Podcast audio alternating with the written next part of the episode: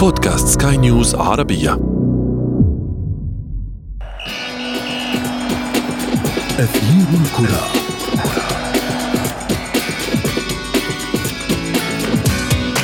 الحصان الأسود. لقب استحقته عدد من الأندية في الدوريات الأوروبية الكبرى في موسم استثنائي. فقد هددت عرش أندية كبرى على رأس قائمة الدوري في بلادها إضافة إلى أنها من نجح أوروبيا في الوصول إلى دوري الكبار ومناطحتهم وتهديد استمراريتهم في كبرى البطولات. ونحن في أثير الكرة نبحث في موضوع هذه الأندية. معي أنا محمد عبد السلام والانطلاقة من العناوين. أحصنة الدوريات الأوروبية السوداء أداء رائع وتهديد للطامحين إلى الألقاب. التوقف القصري الطويل هل أثر على أداء الفرق الكبيرة أم أن الصغيرة هي التي استغلته جيدا؟ وفي فقرة ما لا تعرفونه عن كرة القدم نتعرف على المونديال الذي لقب ببطولة الأحصنة السوداء. أثير الكرة.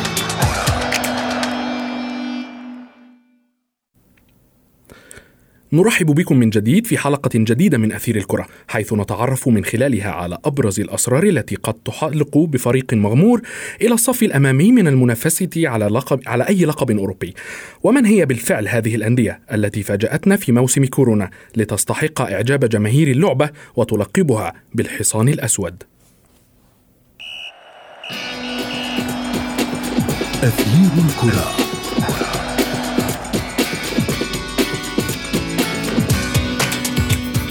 في موسم كورونا المثير نجح عدد من الأندية الصغيرة والمتوسطة في لفت انتباه محبي كرة القدم ومتابعي الدوريات الأوروبية الكبرى متخطية ظروفا ظروفا غير اعتيادية من توقف قصري إلى أزمات اقتصادية لم تكن لتتحملها فرق بحجمها ولكنها ظفرت بلقب الحصان الأسود عن جدارة. دعونا نستمع إلى المزيد في تقرير الزميلة شاذة حداد بصوت عبد الجليل بردودي. في كل موسم كروي حافل. هنالك ذلك الفريق الذي يأتي من بعيد ليعيش عاما استثنائيا بكل المقاييس.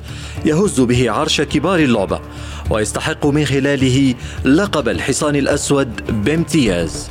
ولكن في موسم كورونا المثير من نجح في لفت الانتباه إلى صفوفه متخطيا هذه الظروف غير الاعتيادية ليظفر بهذا اللقب الجماهيري؟ وإذا ما بدأنا بقصة النجاح الكبيرة التي سطرها في الكالتشيو يعتبر فريق أتلانتا من أكبر المرشحين لنيل هذا اللقب بين جماهير اللعبة التي تابعته وهو يتربع على عرش الفرق الأوروبية الأكثر تهديفا هذا الموسم برصيد 95 هدفا. دخل بها التاريخ من أوسع الأبواب وحطم أرقاما لم يجرؤ أحد على الاقتراب منها منذ أكثر من 60 عاما. كما أنه حصد المركز الثالث في الدوري الإيطالي مزاحما أكبر الفرق على لقب المسابقة. إضافة إلى ذلك تأهل أتلانتا إلى الدور ربع النهائي من دوري الأبطال ليواجه باريس سان جيرمان الفرنسي. وإذا ما ارتحلنا إلى ألمانيا لا ينكر أحد حجم الإثارة التي قدمها لايبزيغ في البوندسليغا بقيادة المدرب الشاب ورجل التكتيك الرائع ناجلسمان. لايبزيغ شكل تهديدا حقيقيا لاحتكار بايرن ميونخ على لقب الدوري المحلي واعتلى الصدارة أكثر من مرة هذا الموسم لكنه انتهى بوسام الشرف في المركز الثالث خلف بروسيا دورتموند الوصيف كما أنه قدم دروسا لا تنسى في تاريخ البطولة الأكبر في أوروبا الشامبيونز ليج حيث ضرب أحلام توتنهام وتأهل على أكتافه إلى الدور ربع النهائي ليواجه أتلتيكو مدريد الإسباني. أما في إنجلترا فللحكاية أبطال مختلفون. استطاعوا أن يقدموا موسما دراميا بكل المقاييس وهم بالتأكيد نجوم شيفيلد يونايتد الذي تحول إلى عقدة الكبار في البريمير ليج حيث لم يسلم منه أي منافس على اللقب. وكان قاب قوسين أو أدنى من التأهل إلى البطولة الأوروبية الأم لولا الخسارة من إيفرتون التي تراجعت به إلى المركز الثامن في ترتيب فرق الدوري الإنجليزي الممتاز. واثناء الصراع الثنائي بين برشلونة وريال مدريد على لقب الليغا اتجهت الانظار أيضا إلى فريق غرناطة الذي عاد هذا الموسم من دوري الدرجة الثانية وهو بلا شك الحصان الأسود اسبانيا خاصة بعد أن تمكن من الفوز على برشلونة والتعادل مع أتلتيكو مدريد وفالنسيا. ويحتل غرناطة المركز السابع في جدول الليغا برصيد 56 نقطة. فمن من هؤلاء الفرق تراه حصانا أسودا في قارة العجوز ومن منهم شكل مفاجأة سارة لعشاقه في الوقت الذي صارع فيه كبار اللعبة جائحة عالمية وموسما مثيرا في عالم المستديره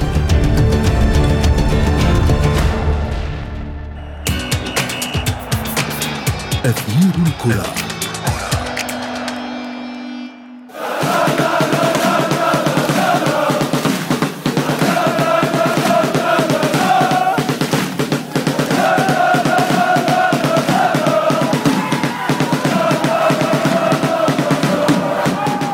موسم 2020 كان موسما غريبا بجميع المقاييس بدءا من التوقف القسري الذي تعرضت له الدوريات في معظم دول العالم بسبب فيروس كورونا والتغير في سوق الانتقالات ومواعيدها وغياب الجماهير عن مدرجات كبرى الدوريات في أوروبا.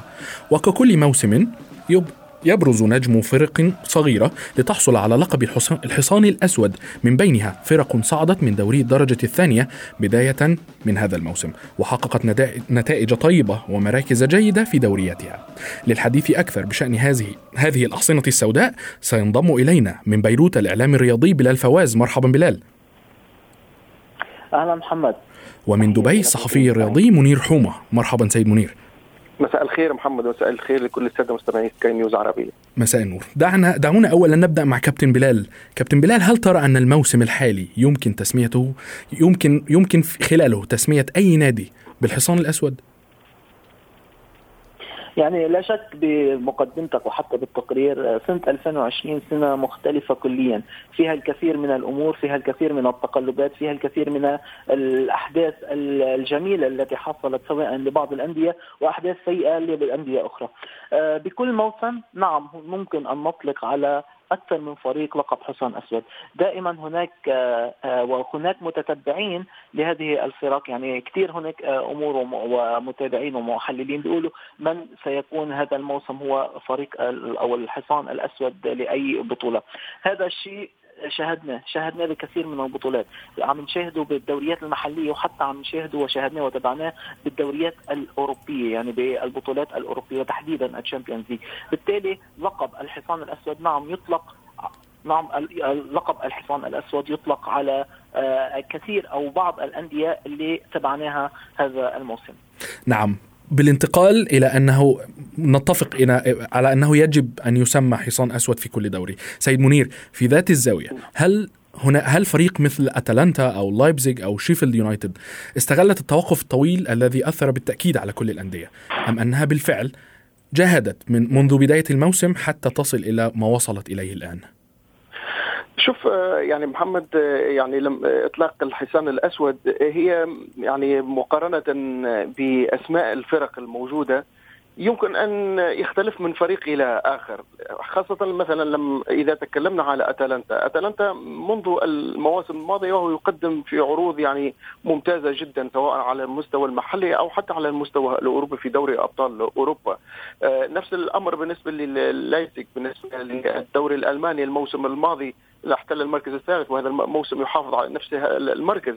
لكن آه، واقع هذه الفرق وتأثيرها في منافسات الدوري والنتائج التي تحققها مع الأندية الكبرى هي ما تجعل هذه الفرق دائما تحافظ على لقب الحصان الأسود وتلقى الاهتمام والمتابعة الجماهيرية والإعلامية لأن بروز هذه الفرق من في الدوريات وأمام الفرق الكبرى وتحقيق نتائج إيجابية يجعل هذه الفرق يعني محل تقدير سواء من الفرق المنافسة على الألقاب أو حتى بالنسبة للجماهير كما قلت بالنسبة للمتابعة لهذه الدوريات الكبرى. وإذا كما قلنا بالنسبة لتوقف الدوري آه، الواضح أن بعض الفرق استغلت هذه المرحلة السلبية من التوقف وعادت في ظروف إيجابية. مثلا أتلانتا لم يكن منافسا على اللقب الدوري الإيطالي ولم يكن مرشحا منذ البداية على عكس مثلا فريق إنتر ميلان وحتى بالنسبة للاتسيو الذي كان يمر بسلسلة إيجابية في الدوري الإيطالي وكان قريبا من المنافسة على لقب الدوري الإيطالي. لكن خلال التوقف آه، خفت نجم هذه الفرق وتراجعت النتائج. بينما فريق أتلانتا وصل العروض الإيجابية وأكثر من هذا تقدم إلى المركز الثاني وأصبح مهددا لفريق اليوفي على لقب الدوري الإيطالي. فأعتقد أن عامل وعدم وجود ضغوطات على هذه الفرق واللعب براحة مقارنة بالأندية المنافسة على الألقاب جعلت هذه الفرق التي نسميها بالحصان الأسود تبرز خلال مرحلة توقف الدوريات الأوروبية والعودة بوجه آه، إيجابي وبنتائج إيجابية. نعم بالحديث عن التوقف آه، آه، الذي أثر على الدوريات وأثر على الأندية بالتأكيد ولكن بلال هل هل تتفق مع أستاذ منير بشأن ما أن التوقف هو هو الذي أثر على الفرق الكبرى وليس الفرق الصغرى وأن الفرق الصغيرة هي التي استغلت ذلك. أم أنها فنيات تأثير الفنيات على والأداء على الفرق الكبرى هو الذي جعل نجم الفرق الصغيرة في, البزوغ. نعم. التوقف القسري الذي حصل محمد له أبعاد. أبعاد إما إيجابية وإما سلبية. آه الفريق اللي كان لا ينافس والفريق اللي كان عم بيعاني من كثير من الإصابات بالإضافة إلى تردي بالمستوى أو تذبذب بالمستوى هذا هو من استفاد كليا بفترة التوقف ولنا في أكثر من فريق مثال على ذلك إذا بنضرب مانشستر يونايتد بإنجلترا الميلان بإيطاليا آه هذا على الصعيد الإيجابي. نعم ولكن ولكن بالحديث عن ميلان وعن ميلان ومانشستر يونايتد تحديدا لم يكونوا بالفرق القوية قبل التوقف. صح نعم أسماء كبيرة ولكن لم لكنها لم تكن لم تكن تقدم الأداء المطلوب منها. لكن لما كانوا يحققوا أن لم لم آه، ما كانوا النتائج ما عم بيحققوا نتائج إيجابية. إنما بعد التوقف نتيجة آه، آه، نتيجة هذا التوقف ونتيجه العمل اللي شفنا عمل هناك عمل فني بيولي الكثير يشهد له بالميلان. حتى قدوم برونو فرنانديز وتفاهمه مع عوده بوجبا من الإصابة يشهد أيضا تغيير المستوى بمانشستر يونايتد. بايرن ميونخ أيضا بايرن ميونخ شفنا كان قبل التوقف بعيد حوالي خمس أو ست نقاط. أنهى الدوري وأحرز الدوري بألمانيا. آه، هذه هذه الفرق استفادت آه، ايجابا من التوقف، أما فرق أخرى استفادت سلبا وعلى سبيل المثال بروسيا دورتموند بألمانيا وأيضا بإيطاليا النادي لاتسيو الإيطالي، لاتسيو الإيطالي قبل التوقف كان هو المنافس جدي ببعض المراحل تصدر الكالشيو الإيطالي، إنما عم نشوف اليوم تذبذب بالنتائج وتراجع مخيف بالنتائج، تراجع إلى المركز الرابع، اذا التوقف كان هناك عامل سلبي وله عامل سلبي وعامل إيجابي، أما على صعيد الفرق التي تعتبر تعتبر اللي كنا عم نحكي عنها إنه هي تعتبر حصان أسود. آه، أنا أوافق أستاذ منير على الموضوع إنه هم لم يعانوا من الضغوطات ونتيجة إنه ما ما عم بيعانوا من الضغوطات وما في كثير آه، الجمهور آه، يعني مش عم بيحملهم أكثر من طاقتهم هن عم يلعبوا ليحققوا النتائج هذا عامل أساسي وعامل كبير بتحقيق هذه النتائج وبتحقيق وبتقدمهم بالترتيب يعني يعني شيفيلد يونايتد بإنجلترا أكثر المتفائلين في مكان قايل انه ممكن يحقق هذه النتائج ممكن يتقدم. بالتأكيد, لا بل بالتأكيد خاصة انه من اللاعبين الشباب بصفوفه. بالتأكيد خاصة أنه نعم. هذه المشاركة هذه المشاركة الأولى له منذ الصعود إلى دوري دوري الدرجة الأولى في في إنجلترا الدوري الممتاز. سيد منير هذا الحديث اليوم انه مطمع من مطمع لكثير من أندية المقدمة بالبريمير ليج. بالتأكيد. سيد منير هذا هذا الحديث يأخذنا إلى السؤال الأهم في رأيي. لماذا هذه الفرق أو الحصان الأسود تحديدا آه، آه، يظهر فقط لبعض الوقت ويختفي لماذا لا نرى هذه الفرق تتوج مثل ما فعل ليستر سيتي من قبل أم أنها فقط نعم. آه، نعم. فترة توهج ثم يختفي الفريق طبعا محمد يعني نعلم الجميع أنه المنافسة على الألقاب والتتويج بالبطولات يحتاج إلى عوامل كثيرة منها الصف يعني لابد أن يكون عندك يعني صف كبير من اللاعبين. النجوم وليس لاعبين في شباب وفي مقتبل العمر ولاعبين صاعدين يعني يحتاجون إلى مرحلة لاكتساب الخبرة وللبروز على الساحة ومنافسة الأسماء الكبرى. مثلا لما نتكلم على فريق اتلانتا وفريق اليوفي هناك فرق كبير جدا مثلا على مستوى الأسماء الموجودة. اليوفي آه، لما يعني حتى ولو أنه فريق منافس على الألقاب وفريق يعني مر بصعوبات خلال هذه خلال هذا الموسم بالذات لكنه يملك نجوم كبار نجحوا في إعادة التوازن للفريق في المرحلة الأخيرة والحاسمة من الدوري واستمر يعني الفريق في المركز الأول. لكن فريق في حجم أتلانتا في إيطاليا وليبزيج بالنسبة لألمانيا وشيفيلد يونايتد وحتى بالنسبة لغرناطة الصاعد الجديد لا يمكن أن نطالب هذه الفرق بالمنافسة على الألقاب والبطولات. يمكن أن تستغل بعض الظروف الحاصلة ويمكن أن تفاجئ الجماهير بتحقيق لقب مثلا كأس كأس من الكؤوس أو يعني لقب مثل مثل هذا. لكن المنافسة خاصة على الدوري تحتاج إلى عوامل ثابتة ومهمة جدا وهي الخبرة النجوم. لابد من تعاقد مع نجوم كبار لهم تاريخ ولهم قدرة على التتويج بالألقاب. ومدربين قادرين على قيادة هذه الفرق لمنصة التتويج، فاعتقد لا يمكن أن نحمل هذه الفرق أكثر من طاقتها، هي فرق مجتهدة، هي فرق تنافس وتحقق نتائج إيجابية ويمكن أن تتأهل للمنافسات الأوروبية، لكن التتويج بالألقاب الكبرى يحتاج إلى عمل أكبر وأكبر. وشاهدنا مثلا في الدوريات الإنجليزية وبالنسبة لي يعني في إيطاليا وفي إسبانيا المنافسة على الألقاب في خلال السنوات الأخيرة انحصرت بين فريقين ثلاثة لا يمكن أن تتجاوز هذه الدائرة لأن الفرق التي تنافس على الألقاب لابد أن تعمل على مدار سنوات حتى تصل إلى هذه المرحلة التي تؤهلها لمقارعه الكبار والتتويج بالألقاب. نعم نتمنى رؤية موسم قادم جديد بأحصنة سوداء جديدة.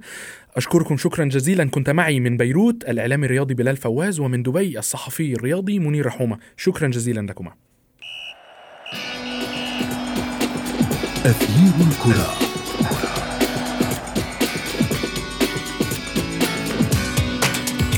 وصلنا وإياكم إلى فقرة ما لا تعرفونه عن كرة القدم. حيث نتعرف على بطولة كأس العالم في كوريا الجنوبية واليابان عام 2002 والتي لقبت بمونديال الأحصنة السوداء حيث برز نجم ثلاثة منتخبات لم يكن يتوقع أحد من عشاق اللعبة أن يظهروا بهذا الأداء الرائع حتى وإن لم يصلوا إلى منصة التتويج. أول هذه المنتخبات كان صاحب الضيافة الكوري الجنوبي حيث حقق المنتخب الكوري أفضل إنجازاته بالتأهل إلى المربع الذهبي بعدما أقصى المنتخب البرتغالي من دور المجموعات ثم أقصى المنتخب الإيطالي من الستة عشر وبعدها المنتخب الإسباني من دوره الثمانية قبل أن يصطدم الكوريون الجنوبيون بالماكينات الألمانية في نصف النهائي ويخسرون بهدف قاتل. ثاني الأحصنة السوداء في مونديال 2002 كان المنتخب السنغالي والتي كانت هذه مشاركته الأولى في بطولات كأس العالم حيث فاز في المباراة الافتتاحية على حامل اللقب حينها المنتخب الفرنسي بهدف دون رد. وتأهل السنغاليون إلى دور الستة عشر وتغلبوا على المنتخب السويدي في مباراة انتهت بالهدف الذهبي ولكن اصطدم المنتخب السنغالي في دور الثمانية بالحصان الأكثر سوادا في هذه البطولة وهو المنتخب التركي الذي حقق المركز الثالث بعد فوزه على منتخب كوريا الجنوبية صاحب الأرض على الرغم من أن هذه البطولة كانت المشاركة الثانية له فقط. وقد عرف هذا الجيل المنتخب التركي بالجيل الذهبي تحت قيادة مهاجمه هاكان شكور صاحب أسرع هدف في تاريخ كأس العالم.